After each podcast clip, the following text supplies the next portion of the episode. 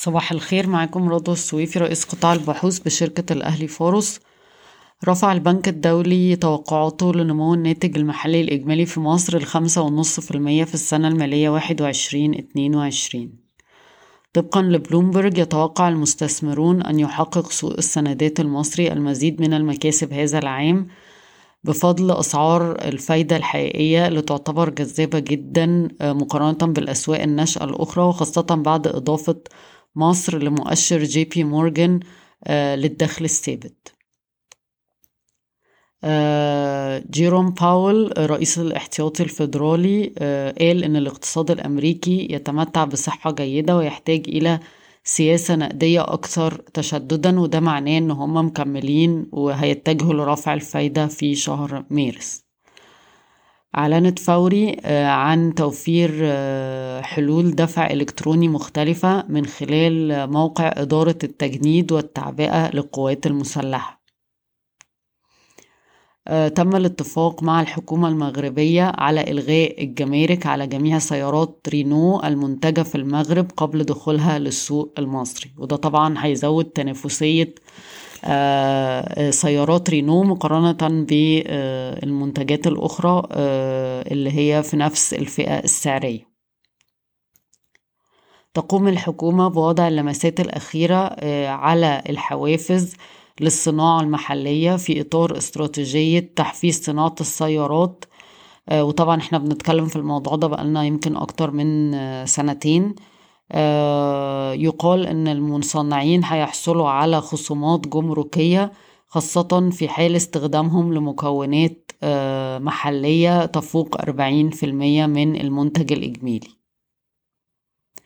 أشار الرئيس السيسي إلى أن مصر ستنتج أول سيارة كهربائية مجمعة محليا العام المقبل واللي فعلا بدأ يتحرك في الاتجاه ده جنرال موتورز والمنصور آه وقعوا اتفاقية لإنتاج مركبات كهربائية بشكل مشترك.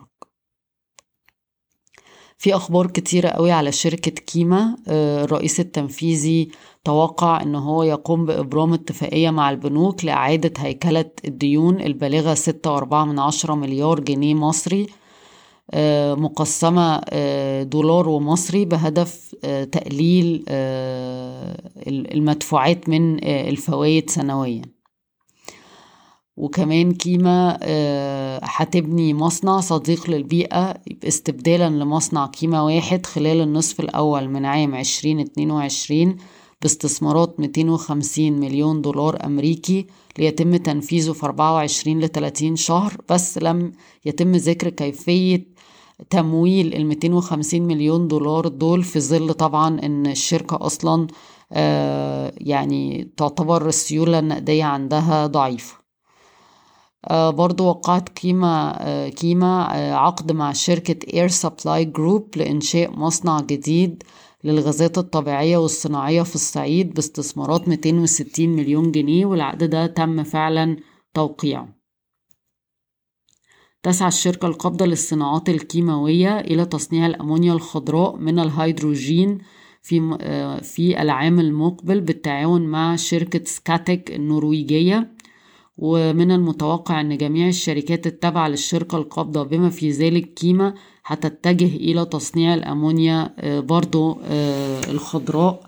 وبالتالي برضو هيبقى في نوع من أنواع التغييرات في كيما لها علاقة بتصنيع الأمونيا الخضراء. شركة مدينة نصر أصدرت أول توريق لها بقيمة 300 مليون جنيه مصري. وعامر بتتوقع أنها تصدر صكوك بقيمة واحد واحد من عشرة مليار جنيه في النصف الأول من عام عشرين اتنين وعشرين. ومجلس الإدارة بيقترح تخفيض رأس المال بحوالي مية مليون جنيه من خلال شطب أسهم خزينة آه Speed Medical أعلنت إنها استخدمت مية مليون جنيه من حصيلة زيادة رأس المال اللي حصل السنة اللي فاتت آه وهو كان إجمالي مية وخمسين مليون جنيه وتم استخدام المية مليون جنيه في الاستثمار في مستشفى سبيد ست معامل آه في بني سويف إنشاء خمسة وعشرين معمل جديد ل Speed وإطلاق المجمع الطبي في هليوبوليس أو مصر الجديدة. بشكركم ويوم سعيد.